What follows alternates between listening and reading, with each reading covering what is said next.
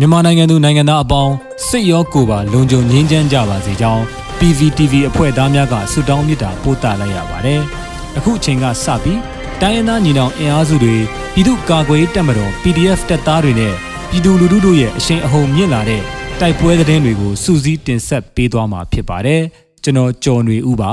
။ပထမဆုံးတင်ဆက်မှာကတော့မြင်းမူမှာစစ်တပ်ရင်နှန်းမိုင်းဆွဲတိုက်ခိုက်ခံရတဲ့တဲ့တင်ပါ။ စကိုင်းတိုင်းမြင်းမူမြို့နယ်ကံဖျားစရက်အနီးမှာစစ်ကား14စီးပါအကြမ်းဖက်စစ်တပ်ရင်နှန်းကိုဩဂုတ်လ6ရက်နေ့မွန်လွယ်တနာရီခန့်မှာဒေသခံကာကွယ်တပ်ဖွဲ့များကမိုင်းဆန်နှလုံးဖြင့်ဖောက်ခွဲတိုက်ခိုက်ခဲ့ပြီးစစ်သားအများပြားထိခိုက်ဒေဆုံးနိုင်ကြောင်း Blue Revolution Force MNRF တပ်ဖွဲ့ထံမှသိရပါတယ်။အကြမ်းဖက်စစ်တပ်ရင်နှန်းဟာ သကိုင်းမြို့အမှတ်33ချင်းမြန်တပ်မှဌာနချုပ်မှထွက်ခွာလာတဲ့စစ်ကားများဖြစ်ပြီးမိုးညို Revolution Force MNRF Pentagon 9000ကျဲ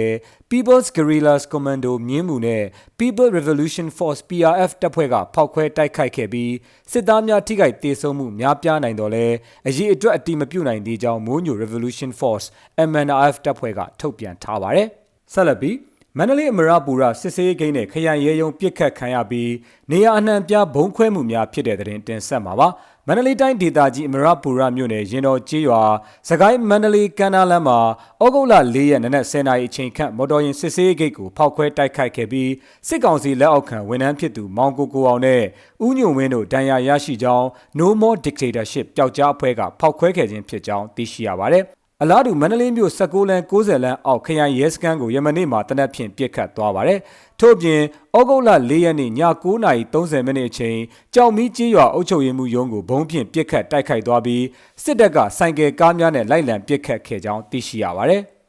ဒီမော့ဆိုမှာမိုင်းမီတေဆုံးတဲ့စစ်သားလေးဦးအလောင်းလာကောက်တဲ့စစ်ကြောင်းလက်နက်ကြီးဖြင့်ပစ်ခတ်ခံရ၍ထွက်ပြေးတဲ့တဲ့တင်ဆက်လက်တင်ဆက်ပါမယ်။ကရင်ပြည်နယ်ဒီမော့ဆိုမြို့နယ်စံပြ6မိုင်ကျေးရွာနီးဩဂုတ်လ၄ရက်မှာအကြမ်းဖက်စစ်သား၄ဦးမိုင်းထိမှန်ပြီးအလောင်းလာကောက်တဲ့စစ်ကောင်စီတပ်ဖွဲ့မှကရင်ပူးပေါင်းတပ်ဖွဲ့များရဲ့လက်နက်ကြီးများဖြင့်တိုက်ခိုက်ခံရပြီးကစင်ကလျားထွက်ပြေးသွားကြောင်းကရင်ပြည်သူ့ကာကွယ်တပ်ဖွဲ့ KPDF ကသတင်းထုတ်ပြန်ထားပါတယ်။